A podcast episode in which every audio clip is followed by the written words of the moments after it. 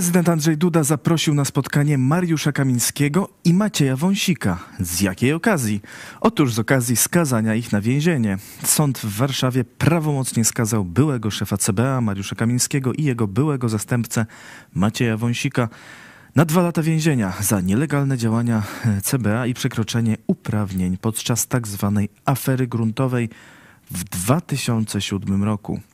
Wtedy to Centralne Biuro Antykorupcyjne starało się wykazać przyjmowanie łapówek przez Andrzeja Lepera za odrolnienie ziemi.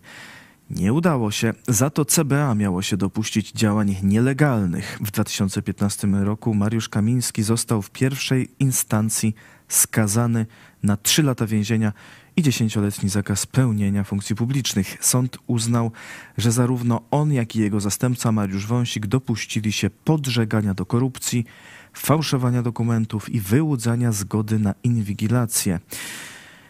Jednak wyrok nie był prawomocny i zanim się uprawomocnił, zadziałał prezydent Andrzej Duda. Zastosował prawo łaski. Sprawa została zatem umorzona. Nie rozpatrzono apelacji. Było to tuż po powrocie Prawa i Sprawiedliwości do władzy. Dzięki ułaskawieniu Kamiński mógł jeszcze w ten sam dzień zostać ministrem koordynatorem służb specjalnych. Sprawa wzbudziła kontrowersje. Nie zdarzyło się jeszcze, żeby prezydent stosował prawo łaski wobec człowieka jeszcze formalnie nieskazanego. Sprawą zajął się Sąd Najwyższy, który stwierdził, że akt prezydenta nie jest skuteczny, bo prawo łaski może odnosić się tylko do już skazanych osób. Później Trybunał Konstytucyjny twierdził, że prawo łaski obejmuje także tak zwane akty abolicji indywidualnej, co oznacza, że może być stosowane także do niezakończonego postępowania sądowego. Sąd Najwyższy z tym stanowiskiem się nie zgodził i w końcu uchylił decyzję o umorzeniu sprawy Kamińskiego i Wąsika. Sąd Okręgowy w Warszawie zajął się apelacjami w lipcu tego roku. Obaj oskarżeni zostali dziś skazani na dwa lata więzienia i pięcioletni zakaz zajmowania stanowisk, czyli wyrok nieco łagodniejszy niż pierwotnie. Obaj panowie byli posłami ale wyrok oznacza, że przestają nimi być. Wyrok więzienia za przestępstwo ścigane z oskarżenia publicznego powoduje utratę prawa wybieralności, co powoduje wygaśnięcie mandatu poselskiego i to od momentu wydania wyroku.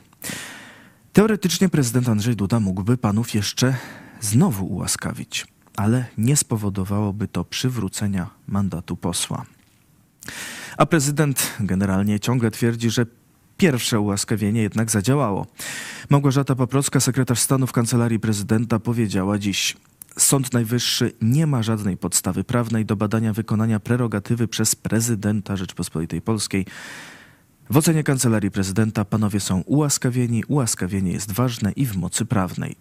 A prezydent Andrzej Duda właśnie zaprosił obu panów na spotkanie. Tak przekazują źródła tygodnika wprost. Sami skazani nie uznają wyroku. Nie przyjmujemy tego wyroku do wiadomości, nie jest to dla nas wyrok.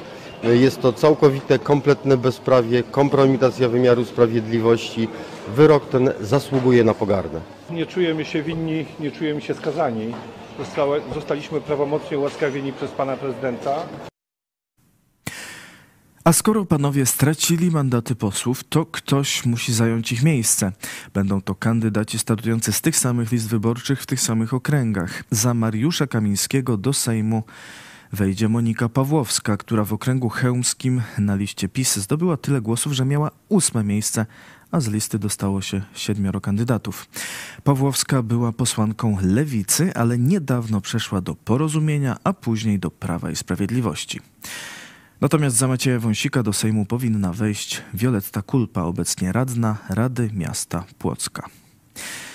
A dziś dzień bogaty we wrażenia, bo rozgrywa się walka o TVP. Te wydarzenia komentowaliśmy dziś w Idź Pod Prąd na żywo. Serdecznie polecam to na YouTubie i na Facebooku Idź Pod Prąd, e, a także e, tam dziś o 18 warsztaty biblijne protestanci w laickiej Polsce jak żyć. Zobaczcie koniecznie i do zobaczenia jutro.